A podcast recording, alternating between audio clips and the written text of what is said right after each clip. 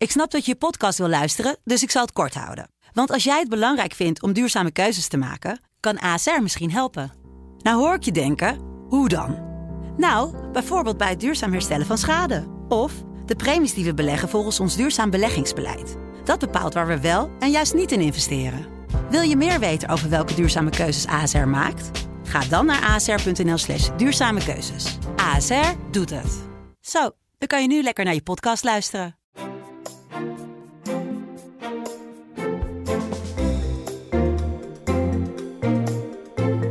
De DFT Podcast met Herman Stam en Martin Visser. Martin, mooi uh, dat we weer samen zijn. Ja. Uh, we hadden al uh, afgesproken om de grote pensioenpodcast te doen. Een van onze favoriete onderwerpen hebben we het vaak over gehad natuurlijk. de dekkingsgraden hebben we weer achter de rug, hoe alle fondsen ervoor staan. Ja. Ik zie jou soms opgelucht kijken dat we geen rondleidingen meer hebben door de corona. Want maar ik, ik vertel het even voor de luisteraars. Martin wordt nogal wel eens aangesproken door lezers die hier dan op de krant rondlopen. Daar zien ze de, de Martin Visser in de hoek zitten en dan u schrijft over die pensioenen. Maar hier ben ik het niet mee eens. Of ja, daar ben ik het niet mee eens. is natuurlijk heel erg hoog, want het raakt, raakt uh, mensen rechtstreeks in de portemonnee. Dus mm -hmm. dat is natuurlijk heel begrijpelijk. Ja. En uh, waar ik uh, in het begin altijd probeerde om, om bepaalde terminologie een beetje te vermijden in, in de berichtgeving, zoals rekenrente of dekkingsgraden omdat ik denk, ja, je wil het ook gewoon toegankelijk houden. Dat iedereen kan begrijpen. Ja, word ik nu zelf om de oren geslagen door onze luisteraars en lezers uh, met die termen. Want mensen bijten zich er helemaal in vast. Omdat mm -hmm. ze gewoon ontzettend teleurgesteld zijn in wat het pensioen heeft geleverd. Uh, vergeleken met wat, wat ze ooit was voorgespiegeld. Ja, je loopt wel een tijdje rond hè, in die uh, financiële journalistiek. Dat is dus echt heel erg veranderd. Je. Mensen zijn gewoon beter ja. op de hoogte geraakt van hun eigen pensioen. Nou ja, zeker. In ieder geval van de problematiek. Nou, mm -hmm. Mensen hebben zich daarin vastgebeten. En nou, de hele opkomst van, van 50 plus hangt natuurlijk ook mee samen. Iemand als uh, Martin van Rooyen, die, die ook voortdurend uh, uh, alleen maar met pensioenen bezig lijkt te zijn. En hier ook steeds voortdurend een punt van maakt. er wordt ook al, ja, ook al echt nu al 10, 15 jaar heftig over gedebatteerd. Ja, en er zijn ook gewoon wel verschillende visies op hoe, uh, op hoe, het, uh, hoe het anders zou kunnen. Mm. Dus, uh, dus, ik, dus ik, ik, merk dat zeker ook in de reacties van, van lezers in de, in de e-mail. mensen die ook zien dat er ook hoogleraren zijn die hele andere ideeën hebben over hoe pensioen ingericht kan worden. ja, en die tegelijkertijd zien dat hun pensioen ja, of gekort wordt in het slechtste geval, of in ieder geval niet meestijgt met de prijs, dus niet geïndexeerd wordt. Ja, en uh, mensen uh, ja, die, die, die hebben daar een enorme uh, ieder geval koopkracht achteruitgang in, in meegemaakt. En ja, zijn daar soms heel boos over. Ja, nou wat we vandaag willen doen is eigenlijk een paar luisteraars ook de kans geven om, om wat ja. van die vragen op jou af te vuren. Ik zou zeggen, laten we gewoon eens even beginnen met, een, nou ik wil niet zeggen een pensionado bij uitstek, maar deze meneer woont in Frankrijk, Jan Meijer, die is met pensioen, heeft ABP-pensioenen, betekent dat hij ambtenaar is geweest, als ik het goed heb. En, en, we gaan gewoon eens eventjes naar zijn vraag luisteren die hij aan jou stelt. Ja. Is het gejammer van de dekkingsgraad van de pensioenfondsen niet volledig te wijten aan de belachelijke rekenrente? Want het rendement is immers al jarenlang zeer positief. En waarom wordt deze subjectieve rekenrente niet veranderd door een rente te nemen over de normale rente van gemiddeld 30, 40 jaar of het gemiddelde rendement over die periode. Ik weet wel dat geeft geen zekerheid voor de toekomst, maar ja, niets geeft zekerheid voor de toekomst, want die kennen we niet. Ook zo iemand die volgens mij vrij goed op de hoogte is, als ik zijn vraag zo hoor. Ja, en dit is echt de meest terugkerende vraag. Bedoel, ook weer naar aanleiding van die berichtgeving laatst over de, de, de financiële situatie van pensioenfondsen. Um, nou, dit is, kan nog heel vriendelijk, wordt er soms best wel agressief benaderd, alsof we helemaal meegaan in het frame van, van minister Koolmees en van de Nederlandse Bank, als toezichthouder daar heel, heel streng in zit. Um, en het is voor mensen heel moeilijk te begrijpen waarom we bij ons huidige pensioenstelsel zo'n rekenrente hanteren die ja, voortdurend maar daalt, uh, richting de nul uh, zit. Terwijl pensioenfondsen uh, ja, gemiddeld genomen nog steeds positieve rendementen op de beurs behalen. En dat, ja, dat komt voortdurend komt dat weer terug. Ja, ik had ook een beetje het idee bij jou dat je dacht van kom maar eens even door met die rekenrente vragen. Ja. Want ik uh, wilde wel wat over vertellen over de kritiek ja. die ik daarop krijg. Nou ja, ik, vind, ik vind de vraag, ik begrijp, ik begrijp dat heel erg goed. Ik bedoel, ja. om daarmee te beginnen. Ik begrijp heel goed, um, uh, want wat, wat er nu al een heel aantal jaar gebeurt, is dat de, de pensioenfondsen um, gemiddeld genomen echt goede beleggingsrendementen behalen. Dus dat betekent dat de, dat de vermogens, de potten geld die ze hebben aan de ene kant van de balans, uh, alsmaar stijgen. Ook de uitspraak van de pensioenpotten zijn nog nooit zo groot geweest als nu. Die klopt dus ook gewoon feitelijk. En dat is echt in de loop van een aantal jaren echt heel erg hard gegaan. Mm. Dus dat zien ze. En aan de andere kant, en, en tegelijkertijd, dus dan gaat het heel goed met die pensioenpotten. Tegelijkertijd schuiven wij voortdurend weer op de tekortingen dreigen. En zien ze, zien heel veel mensen dat uh, hun pensioen niet wordt verhoogd met de prijsstijgingen. En dat begrijpen ze niet. En Mhm. dat snap ik op hun beurt dan weer wel. ehm, dat men dat niet begrijpt. Want dat is ook steeds moeilijker uit te leggen. En dat is, dat is een van de redenen waar we, waarom we echt naar een ander pensioenstelsel moeten. Eh, omdat dit gewoon op een gegeven moment niet meer houdbaar is. Al was het maar in de communicatie. Ja. Eh, maar ik zeg al, de ene kant van de balans staan die pensioenvermogens. Dus daar wordt premie op ingelegd. Eh, en, en eh, een pensioenfonds gaat naar de beurs.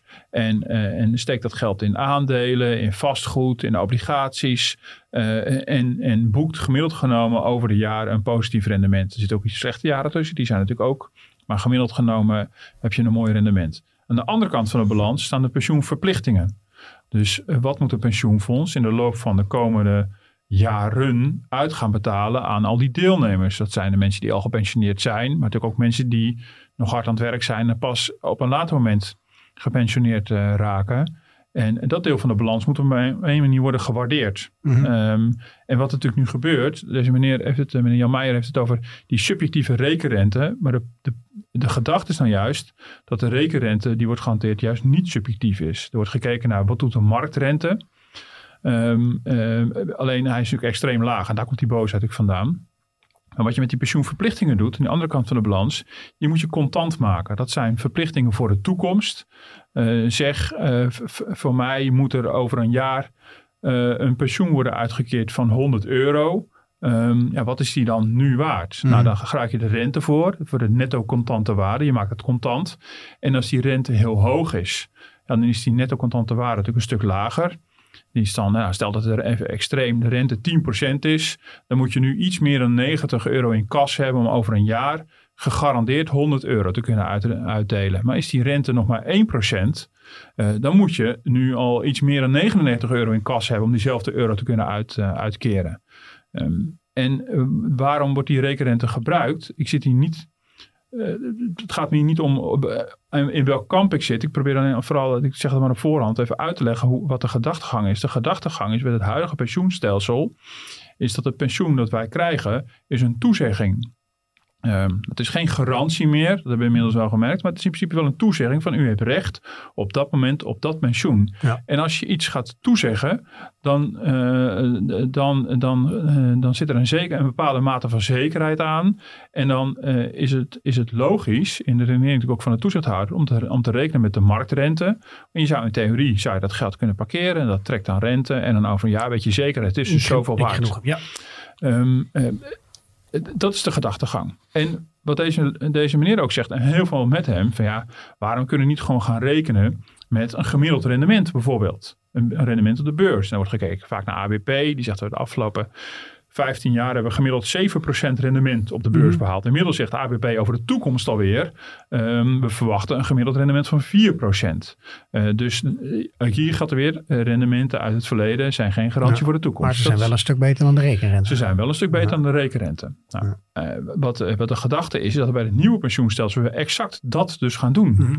Namelijk, we gaan niet op voorhand meer een bepaald pensioen beloven. Eh, we zeggen alleen, ja, hier is de pensioenpot, dat gaan we beleggen. En eh, we hopen dat we daar een mooi rendement op, op maken. En aan het eind van de rit eh, ja, moet maar blijken hoeveel dat is geworden. Mhm. Dan hoef je dus ook niet met, met die strenge rekenrente terug te gaan rekenen, omdat je geen beloftes op voorhand doet. Maar dat betekent dus ook dat het pensioen enorm kan tegenvallen. En de huidige rekenrente is zo streng, omdat de poging natuurlijk is om die tegenvallers te voorkomen. Als je op voorhand gaat rekenen met die ABP-rendement van 7% bijvoorbeeld, ehm, en dat blijkt in het verleden wel het geval te zijn geweest, maar in de toekomst niet, dan kan, heb je van jaar op jaar creëer je een gat. Mhm. Eh, en als je dan desondanks gepensioneerden gewoon een pensioen blijft uitbetalen, dan draaien jongeren daarvoor op. Dus die rekenrente is voor heel veel gepensioneerden een heel naar ding. Omdat zij natuurlijk echt nu concreet in de portemonnee merken dat het effect heeft. Maar dat beantwoordt wel tegelijkertijd de vraag van heel veel jongeren. Is er straks nog iets van mij? Het antwoord is ja, omdat er met die hele strenge re- eh, regels wordt gerekend. Hadden we dan niet gewoon eigenlijk het huidige stelsel moeten behouden en eh, moeten denken dat geeft eigenlijk veel meer zekerheid. Want het andere stelsel kun je weer zeggen, Ja. ja, dat is een soort casino pensioen. Ik Ja, weet niet waar ik aan nou, toe kijk, ben. En het lastige inderdaad wat nu de afgelopen jaren is gebeurd, is dat, eh, en, en, en, en, daar komt de teleurstelling vandaan, is dat van jaar op jaar die rente steeds blijft dalen. Mhm. Rente op een gegeven moment gelijk blijft, dan, dan krijg je een soort stabiel pensioenverplichting. Dus die ene kant van de balans die stabiliseert dan als het ware.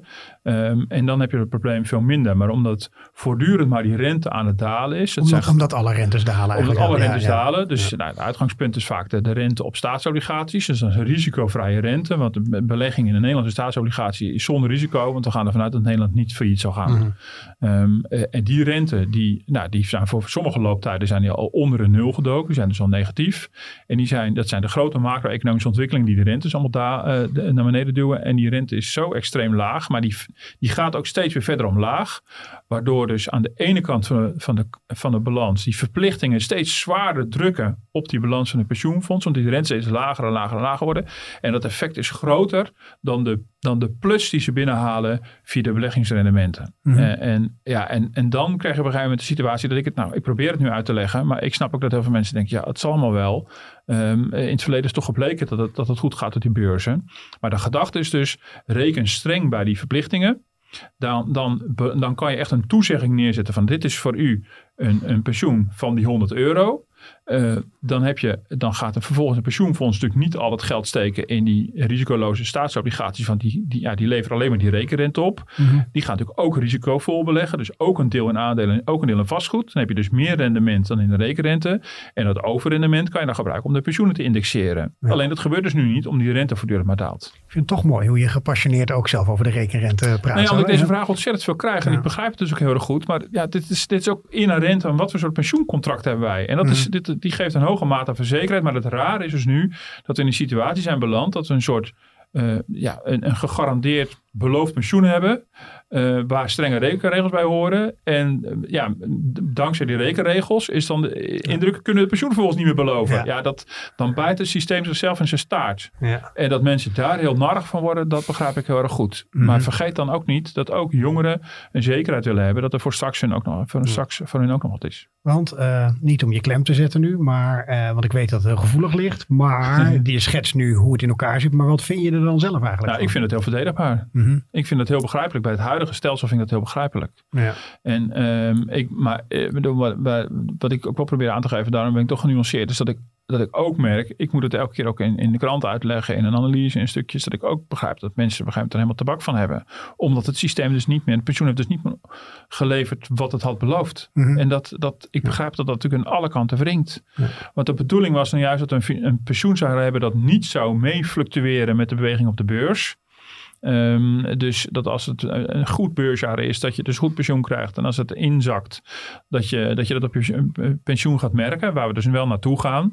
Eh, nou, dat op en wordt wel wat afgevlakt, maar eh, maar dat wilden men niet. Dus we wilden echt een soort zekerheid. eh, ja, en, en, en dat blijkt dus nu heel slecht uit te pakken. Ja. Zeker bij de pensioenfondsen. Maar goed, dat is een andere vraag. Die, die, die helemaal, helemaal wagenwijd openstaan voor alle renterisico's en de klappen voluit eh, eh, nu, nu krijgen. En een ander aspect is ook nog wel, ehm, eh, goed, op het gevaar af dat het iets te technisch wordt.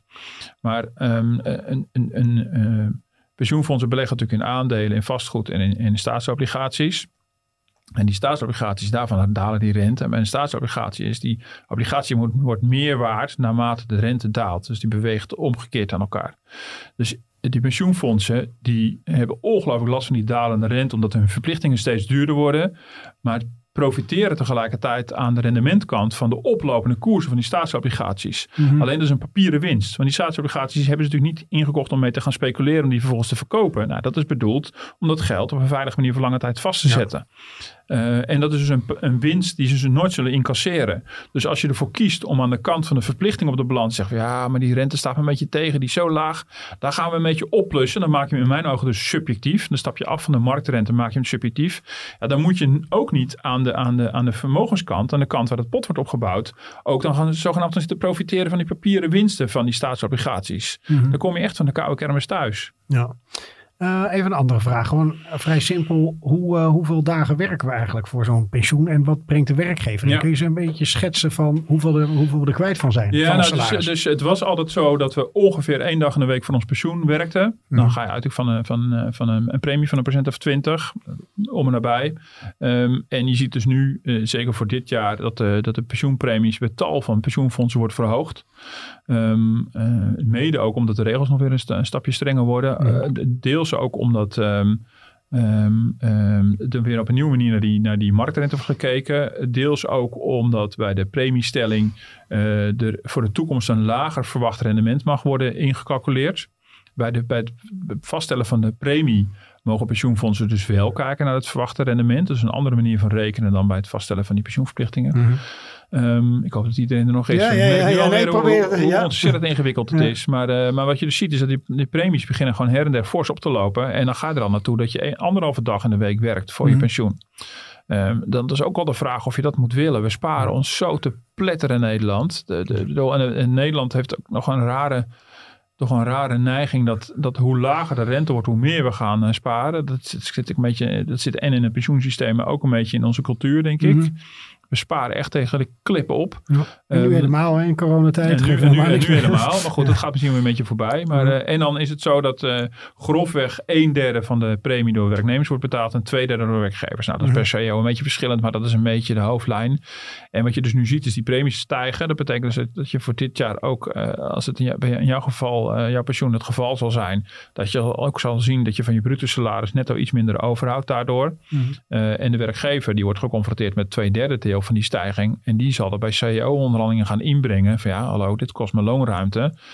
Dit, uh, dit, dit, dit, dit, dit, dit, drukt mijn, de, de, de ruimte die ik heb om je extra salaris dus te Dus je krijgt er gewoon minder bij daardoor, voor je gevoel. Daardoor krijg je er minder bij, ja. Toevallig um, um, um, hebben we daar maandag een interview over met, met de werkgevers. daar kwam het ook heel even voorbij. Dat pensioen, ik kan nog niet helemaal uit de school klappen wat er maandag in de krant staat. Maar in ieder geval, daar hebben we wel besproken ook al dat de pensioenpremie, de stijging ervan ook echt wel een explosief onderdeel van de CAO-onderhandelingen aan, aan het worden is. Omdat het echt nu zo hard gaat. Mm. En je ziet dus in die zin kraakt het aan alle kanten. Als, een, als, je, als de rente ongeveer nul is, of misschien zelfs negatief. Ja, in, hoe, in, in hoeverre kan je dan nog een soort van risicoloos voor je toekomstige pensioen sparen? Bedoel, dan wordt het op een gegeven moment bijna zinloos om dat te gaan doen. Ja. Uh, net zo goed als je zelf met je eigen spaarrekening natuurlijk ook merkt. Van, ja, hoeveel zin heeft het nog om geld apart te zetten op een ouderwetse spaarrekening? Op de ja. zilvervloot. Ja, de zilvervloot, dat is, uh, wat is het? Een schrootvloot is het. Bedoel, dat levert natuurlijk helemaal geen zak meer op. Uh, en dus zie je dus iedereen er naartoe geduwd wordt om meer risico te gaan nemen. Nou, de bitcoin is populair, niet ja. voor niks.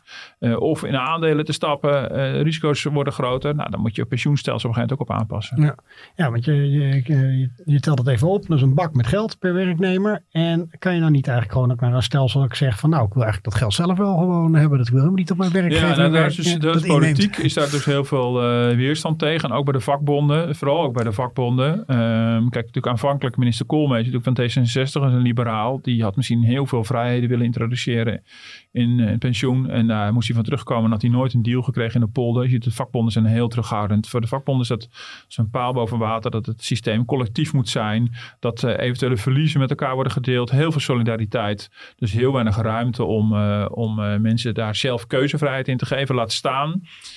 Dat je zegt, we gaan het pensioen vergaand versoberen.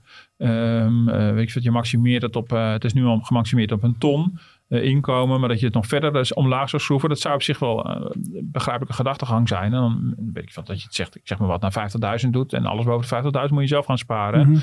Maar dat, is, ja, dat zit zo niet in het Nederlandse DNA. Dat, dat, was, dat was kansloos om, om zoiets, te, zoiets te gaan doen. En dat krijg je natuurlijk, wat je natuurlijk wel gaat krijgen is A, het is heel duur. Maar je hebt ook inderdaad ook wel zoiets, als er ook nog eens een keer minder vertrouwen is om alle dingen die we daarvoor bespraken, is dat natuurlijk, wat je natuurlijk gaandeweg gaat krijgen, dat mensen die, die dit kunnen overzien en hier enig grip op hebben, ook denken van ja, maar geef dat geld aan mij, dat doe ik liever zelf. Zijn er CEO's überhaupt waar ze dat hebben gezegd van joh? Nou ja, er zijn wel CEO's waar, uh, die niet aangesloten zijn bij, uh, bij een pensioenregeling. Overigens wordt dat niet als iets positief gezien vanuit de politiek. Dat is meer de witte vlekken problematiek. Dus uh, dat, dat, dat zijn ook niet per definitie altijd de mensen die, die die, uh, die je deze um, verantwoordelijkheid zelf kunt geven. Het is niet zo dat mensen zonder pensioen automatisch precies die mensen zijn die ook prima mm. dat allemaal zelf kunnen regelen. Dus uh, dat is natuurlijk dan wel een issue. Van hoe zorg je ervoor dat je dat alleen doet bij mensen met een inkomen waarbij je die risico's kan, ook kan, kan lopen. Ja. Uh, maar dat is wel van belang dat je natuurlijk ook de, de, de, de, de toegevoegde waarde van het collectief doen, van het gezamenlijk beleggen, dat je dat wel behoudt. Maar dan moeten ook wel zoveel mogelijk mensen meedoen. En via de ZZP-route bijvoorbeeld onttrekken heel veel mensen zich al aan het pensioen. En dat zal niet iedereen doen vanwege het pensioen, maar sommige mensen doen dat wel degelijk om het heft ook op dit vlak in eigen hand te nemen. Uh, zeg ik dan iets raars als ik denk van ja, die vakbonden willen dat ook gewoon omdat in de sectoren die zij vertegenwoordigen, dat daar inderdaad, uh, weet je, de, de metaal en alles, daar zit vooral hun achterban. Daar vinden ze het nog heel belangrijk om dat zo collectief uh, te regelen. En het geeft ze ook gewoon een soort machtspositie in ja, onderhandelingen. Dat is helemaal niet raar. Nee, nee maar... dat speelt ook een rol. Ja, de polder hangt ook aan elkaar van bestuurtjes en dergelijke. Je hebt een, allerlei pensioenfondsbesturen waar de, waar de sociale partners in zitten. Net zo goed als je van die ONO-fondsen, van die scholingsfondsen hebben waar, waarin bestuur allemaal van die sociale partners zitten. Mhm. Dus je ziet dat, dat de polder van zichzelf heel conservatief is. Geneigd is uh, uh, voorzichtig te zijn met die veranderingen. En dat zal deels zijn vanwege het belang van hun achterban. Maar deels ook vanwege hun eigen belang. Omdat ze op die manier heel veel zeggenschap hebben. En dat zie je ook dat de vakbond uh, heeft uiteindelijk wel meegewerkt in, in deze pensioendeal. Maar ik stuur het heel erg op, op collectiviteit, op solidariteit.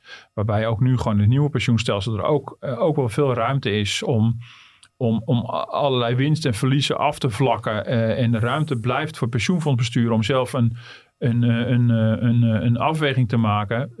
in welke mate leeftijdsgroepen met elkaar solidair moeten zijn. En daar zit ik heel veel macht en, en invloed van, uh, van werkgevers en vakbonden nog uh, in. Ja.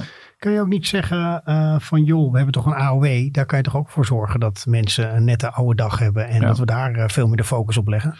Ja, maar dan maak je natuurlijk wel het. Dat zou, ja, dat zou kunnen. Maar goed, dat is natuurlijk echt een uitkering. Al vinden heel veel mensen die AOW krijgen dat ook niet leuk om te horen. Zeg maar, daar heb ik toch voor gespaard. Nou, eh, dit, helaas, daar, daar, is, uh, daar is wel AOW-premie voor afbetaald. Maar dat, je betaalt altijd AOW-premie voor de mensen die nu AOW genieten. En niet voor je eigen AOW. Dus is geen spaarsysteem.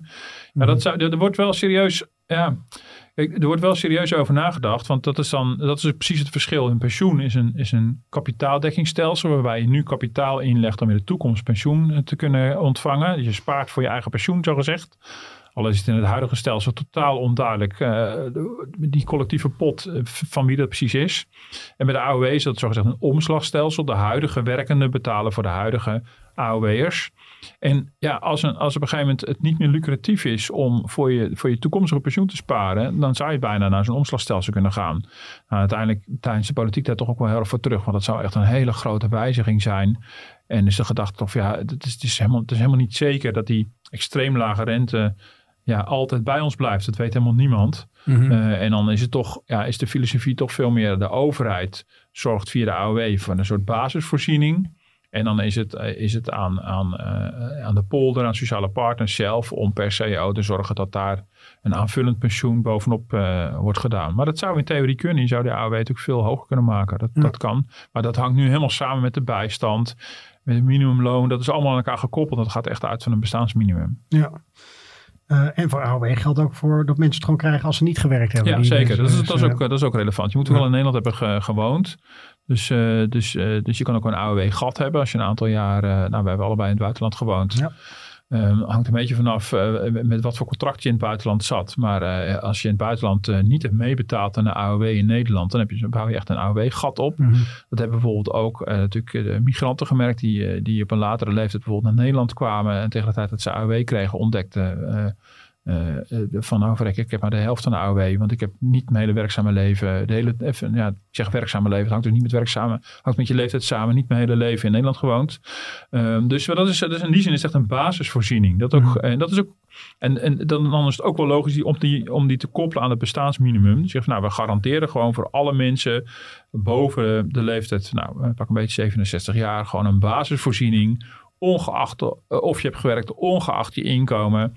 Dat is denk ik een groot goed in Nederland. Dat ligt echt een soort vloer in het hele pensioensysteem. Ja, en als je dat gaat verhogen, dat, dat, ik, ik snap de gedachtegang, maar dan gaat het ook heel veel geld uh, kosten. En dan krijg je echt een andere, dan krijg je echt een verschuiving van verantwoordelijkheid van de overheid die voor het bestaansminimum is en de polder voor de rest. Dan, dan trek je dat allemaal naar de overheid toe. Ja.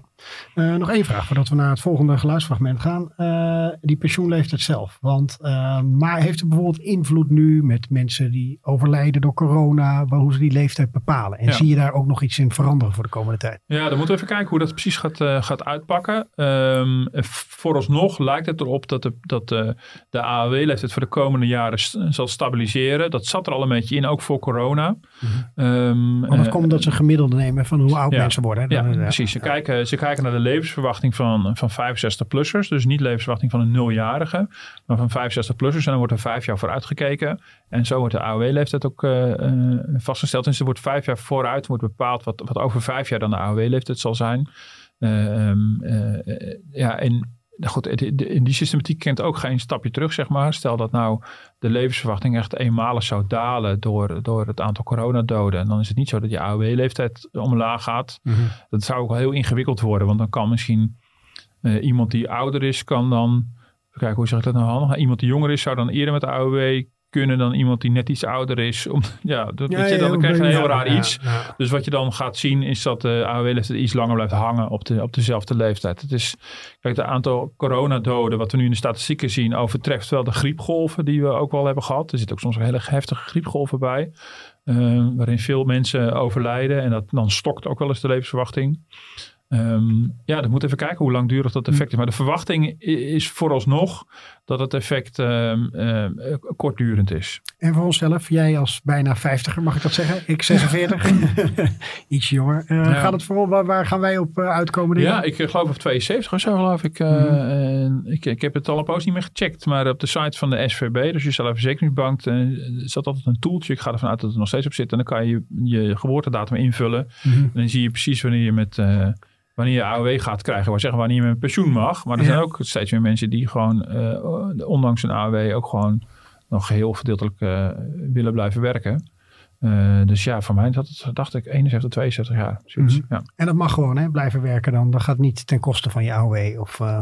Nee, maar dat is wel, het hangt wel een beetje van, uh, van, uh, van je werkgever af. Van je, van je CO, wat voor afspraken erover zijn gemaakt. Daar wordt nog wel eens een robbertjes over gevochten. Mm -hmm. En um, uh, dus ehm, ja, dus dat hangt een beetje vanaf wat, wat precies jouw arbeidscontract is, hoe dat zit, of je werkgever er ook in mee wil, ja. of je kan blijven werken. Nou, hebben wij werk dat je relatief makkelijk freelance kan doen. Ja, nou, op mijn uh, 72ste, dan weet ik het niet meer hoor. Of dat nee, nog, ik, ik, weet het niet. ik weet niet. Uh, met hetzelfde uh, enthousiasme in ja, misschien met minder enthousiasme. Een grumpy old man. Maar je hebt in de journalistiek ook nodig. Ja, dat is waar. Dus tegen die tijd.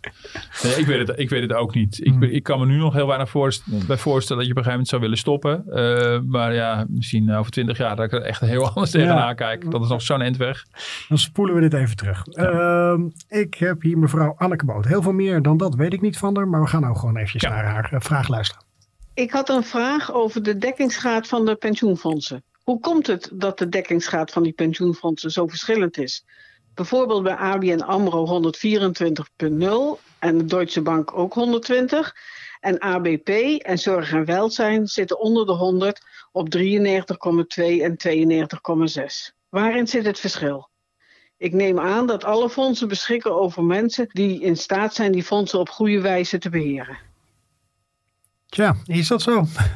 Nou, ik weet niet of alle fondsen beschikken over mensen die... Uh, nee, maar dat ik weet dat iemand meeluistert die ons pensioenfonds uh, beheert uh, oh, voor ja. de Telegraaf. Die ja, is altijd heel fel op. Dus zeg even iets aardigs over hem. Wij, wij, staan er redelijk goed voor, begreep ik wij staan er redelijk goed voor, ja. zeker, ja. Nee, maar ik, het, is, het is een hele terechte vraag. Dat is, dat is super interessant. Ik bedoel, het verschil... Ik bedoel, kijk, het, het valt, de, de voorbeelden die genoemd zijn vind ik al interessant. AWP en Zorg en Welzijn, dat zijn de twee, veruit de twee grootste pensioenfondsen van Nederland. AWP is, is ambtenaren en publieke sector. Het is iets breder dan alleen maar ambtenaren en zorg en welzijn en zorgpersoneel. Dat zijn enorme grote fondsen. En ABN AMRO en Deutsche Bank zijn natuurlijk twee banken. Wat je natuurlijk over het algemeen sowieso al ziet, is dat de financials, de financiële uh, instellingen doen het ongelooflijk goed. Ook die zijn gewoon bank. betere fondsmanagers. Um, nou, die spelen meer op safe. Oh. Kijk, en de pensioenfonds van de Nederlandse Bank heeft natuurlijk echt, uh, is de prestige. Ik bedoel, mm. uh, dat zou natuurlijk echt, uh, ja. dat zou echt hilarisch zijn als die als gewoon... moeten korten. Als zij moeten gaan korten, als, als toezichthouder. Nou, dan is je positie ja. echt totaal weg. Ja, een heftig baantje die je hebt ja. daar. ja. ja, dus, dus dat is wel interessant mm. dat die verschillen worden genoemd. Maar je hebt het bijvoorbeeld ook al binnen de vijf grootste fondsen. Want je hebt dan ABP, Zorg en Welzijn. Dan heb je PME en PMT, dat zijn twee metaalfondsen. En dan heb je Pensioenfonds Bouw. En, en de, de, de, eerste vier die ik noemde, die, die zitten steeds te worstelen met die kortingsgrens. Uh, en die, die zijn ook allebei, nou, alle vijf, alle, alle vier, weliswaar boven die 90% geëindigd. Van, uh, wat, wat de tijdelijke kortingsgrens was van Mr. Koolmees. Uh, bouw zit er ruim boven de 100. Dus dat is al een heel interessant verschil. En dan heb je na die. Uh, er zijn een aantal oorzaken. Ik heb deze vraag ook heel specifiek nog eens een keer voorgelegd aan, aan de baas van APG. Dat is de, de uitvoerder van onder andere ABP en pensioenfondsbouw. Nog van veel meer fondsen. Maar eh, heel veel van de uitvoering, dus van de belegging en zo, wordt ook uitbesteed. In dit geval een APG. Dat is echt een hele En, grote en ze worden steeds meer ook geklonterd, toch? Dat het steeds meer Ja, ook fusies dat. zijn daarin. Ja, maar ook Ja. dat. Maar, ook, maar, de, maar de, de- ik vond het ook interessant. Kijk, deze man heeft natuurlijk, heeft natuurlijk zowel dat ABP onder zijn hoede, dat dus heel matig doet. In ieder geval afgemeten aan de dekkingsgraad. Als Mhm. de bouw, die dus heel goed doet. En die zei ook, ja, dat is gewoon de mate waarin een pensioenfonds ervoor kiest om zijn renterisico af te dekken. Mhm. En zo simpel is het. Dus, bij, dus, dus heel veel kritiek al jarenlang op ABP, eh, nog steeds, dat die op een zeker moment ervoor gekozen hebben om de renterisico's niet af te dekken. Je kan je namelijk indekken voor een dalende rente. Dat kan. Maar dat is niet gratis. Mhm. Ehm, eh, dat kan je bijvoorbeeld doen door heel, heel nadrukkelijk om, om, om staatsobligaties te kopen die qua looptijd precies gekoppeld zijn aan de looptijd van je pensioenverplichtingen. En dan, dan maak je je pensioen eigenlijk heel saai. Je zou in theorie, kan je het renterisico volledig afdekken door alleen nog maar staatsobligaties te kopen. Ik bedoel, als jij over 20 jaar met pensioen gaat, dan koop jij een 20-jarige staatslening. Dan weet je gegarandeerd na 20 jaar krijg ik gewoon dat. Heb je nul renterisico, maar dan krijg je ook alleen maar dat bedrag. Dat is het dan ook. Maar pensioenfondsen willen ook indexeren. Die willen er iets bovenop doen. Die willen de prijs ook. En dan gaan ze natuurlijk risico nemen. Dus dan gaan ze ook aandelen en, en, en dergelijke. Dus je kan het op die manier doen eh, de, met, met, die, met die staatsleningen. Eh, super saai, maar dat is wel heel degelijk. Maar dan heb je natuurlijk ook nog allerlei, allerlei producten. Dus rentederivaten. Waarmee je ook renterisico's kan afdekken. Eh, en en daar heb je wat aan als, het, als de rente daalt. Ehm, en dan voorkom je dus dat je dat je dekkingsgraden heel hard zakken. Alleen de pech is, als, je, als de rente stijgt, dan, dan, dan profiteer je minder mee. Het is, een, Mhm. het is een dure oplossing. En wat je dus ziet is dat bijvoorbeeld een ABP er al, heel lang voor gekozen heeft het renterisico veel minder af te dekken dan heel veel andere partijen.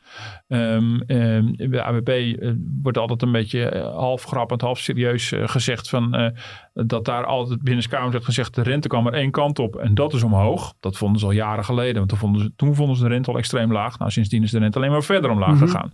Je kan je daar dus enorm in vergissen. En als die vergissing al eenmaal gemaakt is, dan is er gewoon geen houden meer aan. Maar ze kunnen dus ook een mooie eh, krijgen als op een gegeven moment die rentewereld op gaat lopen. Ja, precies. En daar wachten ze nu op. En daar wachten ze al heel erg lang op. En Ja. van ABP is natuurlijk altijd een beetje de verdenking. Dat erkende die baas van de APG overigens niet. Altijd de verdenking van ja, dat is een ambtenarenfonds. Dus zij weten, à la de banken too big to fail worden altijd gered. Kan een ABP denken, ja weet je, wij zijn van de overheid. Dus als wij in de, en we zijn ook nog een keer de grootste. Het is echt een hele grote partij met honderden miljarden aan belegd geld. Als wij in de problemen komen, ja, dan zal de politiek ons altijd redden. Nou goed, dat kan je natuurlijk nooit hard maken, die claim. Maar die, die, die ver- verdachtmaking zit een beetje rondom dat fonds. Dus dat is het renterisico. En wat je dan wat je, maar wat je ook ziet, is dat bijvoorbeeld heel veel bedrijven met- die een eigen pensioenfonds hebben, het eh, soms ook veel beter doen. En dat, dat heeft niet alleen met rente- renterisico te maken, maar dat kan in het verleden ook te maken hebben gehad met bijstortingen. Mhm. Ehm, dus eh, er zit een heel verleden dus achter die, die dekkingsgraden. En dan kan het zo zijn dat bepaalde bedrijven, grote multinationals bijvoorbeeld, die natuurlijk gewoon eh, als bedrijf eh, één op één een relatie hebben met hun pensioenfonds, ook een verantwoordelijkheid voelen rechtstreeks tot hun eigen werknemers op een zeker moment besluiten om fors te gaan bijstorten eh, om, ja, om het met je eh, populair te zeggen van het gezeik af te zijn. Mhm. Omdat ze rechtstreeks zien dat als ze er slecht voor staan, dat het heel veel impact heeft op, op het vertrouwen van hun eigen werknemers. Ja. Net zo goed hebben die bedrijven in een verder verleden ook wel geprofiteerd van allerlei premie holidays. Die zijn er ook geweest. Dat ze Mhm. tijdenlang, toen het hartstikke goed ging, geen premie hoefden te betalen. En daar is een veel rechtstreekse relatie tussen bedrijf en hoe een pensioenfonds het, eh, fonds het doet. Maar je ziet dus nu, nu zijn die renterisico's in bepaalde mate wel of niet afgedekt. Eh, en dan zie je dus die dekkingsgraden echt eh, helemaal met elkaar meebewegen. Ehm, dus, dus het verschil tussen ABP en bouw wordt niet per se heel veel groter of Mhm. kleiner. En dat beweegt net zo hard mee, waarbij ABP dus stelselmatig altijd met die kortingsgrens zit te worstelen. En, en bijvoorbeeld een bouw daar heel ruim overheen gaat. Toch denk ik, hè, als je dan ook zegt van eh, de prestige van de Nederlandse bank die dit als toezichthouder Ja. goed moet doen. Is het ook niet raadzaam voor sommige van die fondsen om beter te kijken van wie doet het nou goed over heel veel jaren en daar is ook eens mee te kijken Ja. wat hun beleid is en Ja. daar eh, van te leren ook. Ja, nou, ik laat me altijd vertellen dat het, dat dus gewoon heel lastig is. Omdat het toch een soort, zeker zo'n ABP of zo, zo'n soort olietanker is. Dat inmiddels al zo groot is. En, en ja, de, de foute keuze over die renteafdekking is nu eenmaal al gemaakt. En dan heeft het niet zoveel zin meer. En het is ook, en nu met, het, met, met die dalende rente is er ook gewoon bijna geen houden meer aan. Want je bijvoorbeeld, dat was, we hebben het al even de pensioenpremie gehad, dat is ook nog zo'n ding. Nou, wat je natuurlijk, um, um, wat je natuurlijk ziet is dat de afgelopen jaren heel veel fondsen uh, stelselmatig te lage pensioenpremies vragen. Die zijn al lang niet meer kostendekkend. Mm. En dan kan je zeggen, ja, nog, dan verhogen toch die premie. Maar uh, ja, die fondsen, als die nu nog die premies naar kostendekkend niveau moeten krijgen, moet dat zo extreem worden verhoogd. Dat is ook gewoon onmenselijk. Dus op een gegeven moment uh, ja, ze zitten ook wel sinds de financiële crisis van 2008 ook in een soort, soort financiële achtbaan. Dat, ook, dat is bijna niet meer bij te sturen nu. Ja. Uh, en dat, daar zit ook een deel van de frustratie van die fondsen. Want je, dat is niet zo dat als ze nou morgen een nieuwe weet ik veel wat, uh, vermogensbeheerder aanstellen, dat het dan ineens goed gaat. Dus nee, er zijn ja, goed, maar ik zou zelf meer als uh, ambtenaar dan hebben de frustratie van wie heeft die beslissing genomen in mijn fonds ja. en uh, waarom ja. is dat ja, zeker. toch? Ja, ja, maar goed, dan, ehm, de, ja, die, die, ja, goed, ja, de mensen uit het verleden, daar zijn ook wel, daar wel mee geconfronteerd geweest. Maar goed, die ja, die praten alles weer recht. Dat zijn mm -hmm. soms ook wel dezelfde mensen die dus nu uh, af en toe ervoor kiezen om op de opiniepagina's te zeggen dat het pensioensysteem belachelijk is. Ja. Mm. En dan krijgen ze weer te horen van uh, andere pensioendeskundigen. Ja, dat zeg je alleen maar om, omdat je zelf de, de, de, mede de bron van deze ellende bent geweest. Ja, ja. dan zeg je, het is, het is een enorm wel eens of niet eens uh, spel. En ook rondom een pensioenakkoord was er een, anderhalf jaar geleden op een gegeven moment ook een soort groot ingezonden stuk van een stuk of veertig economen, geloof ik. Um, ook die vonden dat het pensioen echt heel anders moet. En die zaten ook op die, op die tour van die rekenrentes belachelijk. Um, zonder namen te noemen, er zat bijvoorbeeld ook wel een uh, oud bankier bij. En die sprak ik erover. En er kwam een enorme storm kwam er op gang. En die zei van nou, die pensioendiscussie, ik stap er zo snel mogelijk weer uit. Er was dan een soort van eenmalig ingestapt. Dat was niet specifiek een pensioendeskundige. Had gewoon mm. wel goede financiële kennis. Maar die zei nou, dit, wat, dit, wat dit voor wespennest is. Het is, ja. het is enorm wel eens niet dus. Het is, die, die, die sfeer in, in die wereld tussen deskundigen is ook enorm verhard. Mm-hmm. En dus in die zin is het alleen maar goed. Uh, en dan begrijp ik dus al die vragen van de racers ook heel erg goed. Maar die worden voortdurend ook wel in hun eigen twijfel bevestigd door dan weer hoogleraar zus, dan weer hoogleraar zo. Die, die er ook allemaal kritiek op hebben. En daarom kan je echt gewoon beter overstappen naar het nieuwe pensioenstelsel. Waarbij je ook gewoon af bent van die oeverloze discussie over die rekkenregels. Ja. Zeg even, wanneer gaat het in? En, uh... Het nieuwe pensioen gaat in 1 januari 2026. Kijk, we moeten even geduld hebben tijdens die overgangsjaren. het mag ook eerder. Misschien ja. dat sommige fondsen dat gaan doen. Maar dat gaat even, even duren. Koolmees heeft van de week gezegd, de minister, dat hij, uh, dat hij na de zomer de wetgeving de naar de Kamer wil sturen. Uh, en dan, uh, dan heeft het wetgevingsproces ook echt nog even nodig. Uh, het moet wel op een gegeven moment ook wel duidelijk gaan worden wat het overgangsregime gaat zijn. Uh, het ziet eruit dat de, de, de, de, re de, regels wat minder streng zullen zijn in die periode tot aan 2026. Mm -hmm. Zodat dan een klein beetje de souplesse van het nieuwe systeem ook al overhevelen naar, naar nu.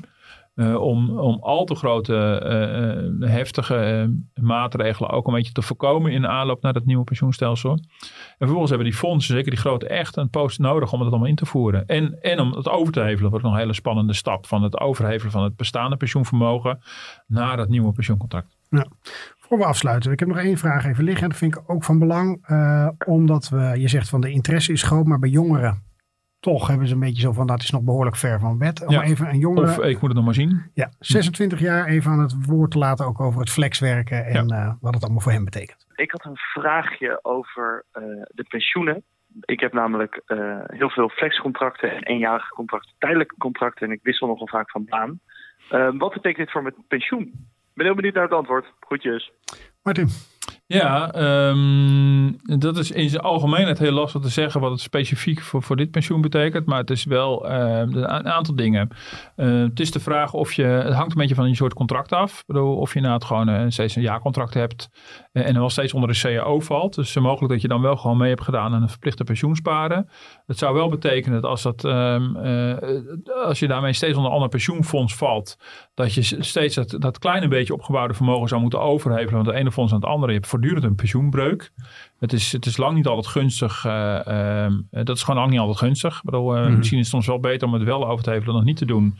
Maar je hebt sowieso, is, het, is het in het huidige stelsel is het veel beter om gewoon ja, het liefst gewoon bij wijze van spreken je hele leven bij hetzelfde fondsen zitten en gewoon steady onder dezelfde voorwaarden te Ja. sparen. Omdat Dus- vroeger mensen zo leefden. En daar was Ja, dan, precies. ja, en daar is het hele stelsel nog een beetje op geënt. Dus dat is wel een punt. Je hebt, je hebt allemaal, allemaal pensioenbreukjes. eh, en de vraag is hoe je daar dan uitkomt. Dus dat is, geeft wel een onzekerheid. Het is ook ingewikkeld om dat allemaal, ik kan me voorstellen, om dat allemaal zelf te overzien. Mhm. Nou kan het ook heel goed zijn dat er misschien wel een uitzendbaan bij zat. Eh, en als je kijkt naar het onderzoek dat is gedaan naar de witte vlekken door het CBS al een tijdje geleden.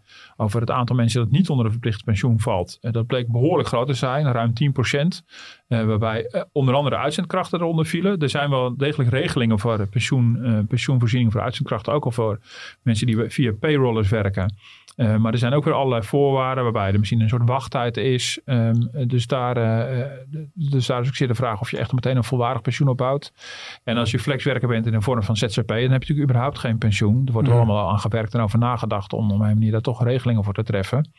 Maar dit is wel precies ook de kwetsbare hoek, zeg maar. Nou, als je heel erg jong bent, eh, kan ik me voorstellen dat je denkt, nou, dat zal allemaal wel. Er staat wel tegenover dat het, het, het premie die er, die op jonge leeftijd voor jou wordt ingelegd, ja, die, die rendeert natuurlijk het allerlangst. Dus, ehm, dus daar maak je wel een klapper, zeg maar. Alleen het is nog van een relatief laag inkomen. Mhm. Ehm, eh, dus het is niet helemaal. ehm, je kan niet zeggen van nou, ach, dat maakt helemaal niet veel uit. Ik bedoel, je bent nog zo jong, je hebt nog jaren zat. Dus dat is gedeeltelijk waar.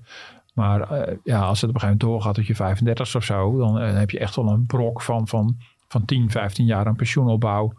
Ja, gedeeltelijk of geheel misgelopen. En dat geld wat heel lang zou kunnen renderen. Het nieuwe pensioenstelsel gaat er ook heel erg van uit dat, dat het mogelijk moet zijn voor, voor fondsen om, het, om de pensioeninleg voor jongeren ook met, met, om, om eh, risicovoller te beleggen. Om daar grotere risico's te nemen, wetende ja, dat, dat heeft, het heeft een veel langere tijdshorizon. En dan naarmate mensen ouder worden, wordt het pensioenvermogen langzaam verschoven van aandelen naar staatsobligaties. Om het heel simpel te zeggen. Het, het zal iets complexer zijn, maar dat je moment de risico's langzaam doet afnemen. Zodat je ook zekerheid hebt van je uitkering van pensioen op het moment dat je met pensioen gaat. Maar flexwerkers, dat is precies het deel, ZZP'ers uit hun krachten, waar de meeste zorgen over zijn van eh, vallen die onder voldoende goede regelingen. Nou, dat kan, kunnen jongeren zijn, maar dat kunnen ook mensen zijn met een een laag opgeleide, lage inkomen, die, die misschien wel heel lang in allerlei vormen van flexwerk blijven hangen. Mhm. Eh, en dan ehm, eh, ja, heb je echt een heel laag inkomen, dan heb je ook nou, bijna geen aanvullend pensioen, heb je gewoon de AOW.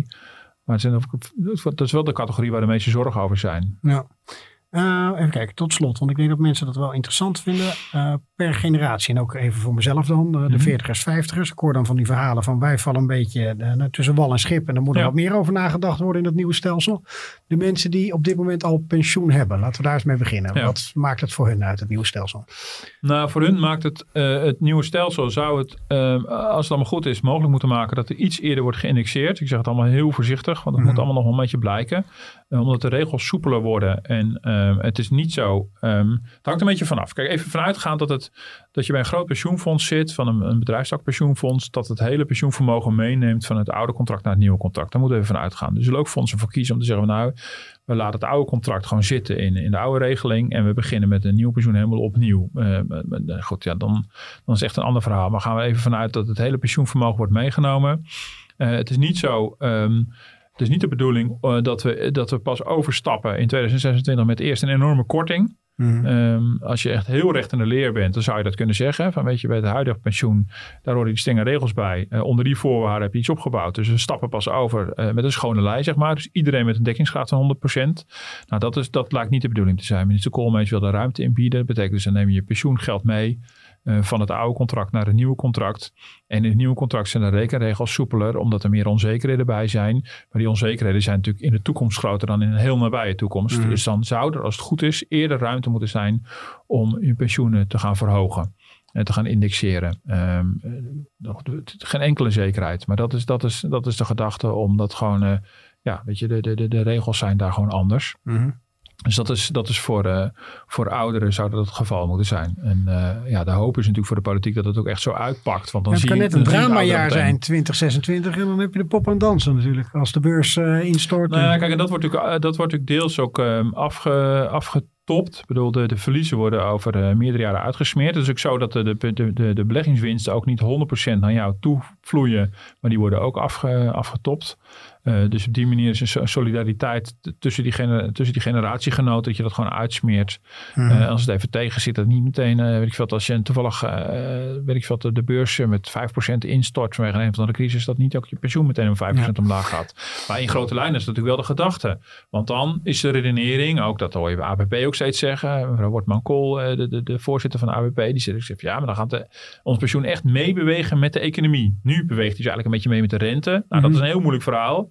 Als hij meebeweegt met de economie, schuine streep met de beurs, dan zouden mensen dat wel snappen. Maar goed, het is wel een grote brok onzekerheid, even goed. Um, maar dan snap je, oké, okay, dan gaat het slechter met, uh, nou, vorig jaar, coronacrisis, dan gaat het slecht met de economie. Uh, aanvankelijk de beurs ingestort. Aan het eind van het jaar zouden ze weer helemaal grotendeels boven Jan, overigens. Maar mm -hmm. stel dat het zo gebleven zou zijn, dan mensen begrepen, oh ja, het is crisis, dan doen de beurs het slecht, dat heeft impact op mijn pensioen.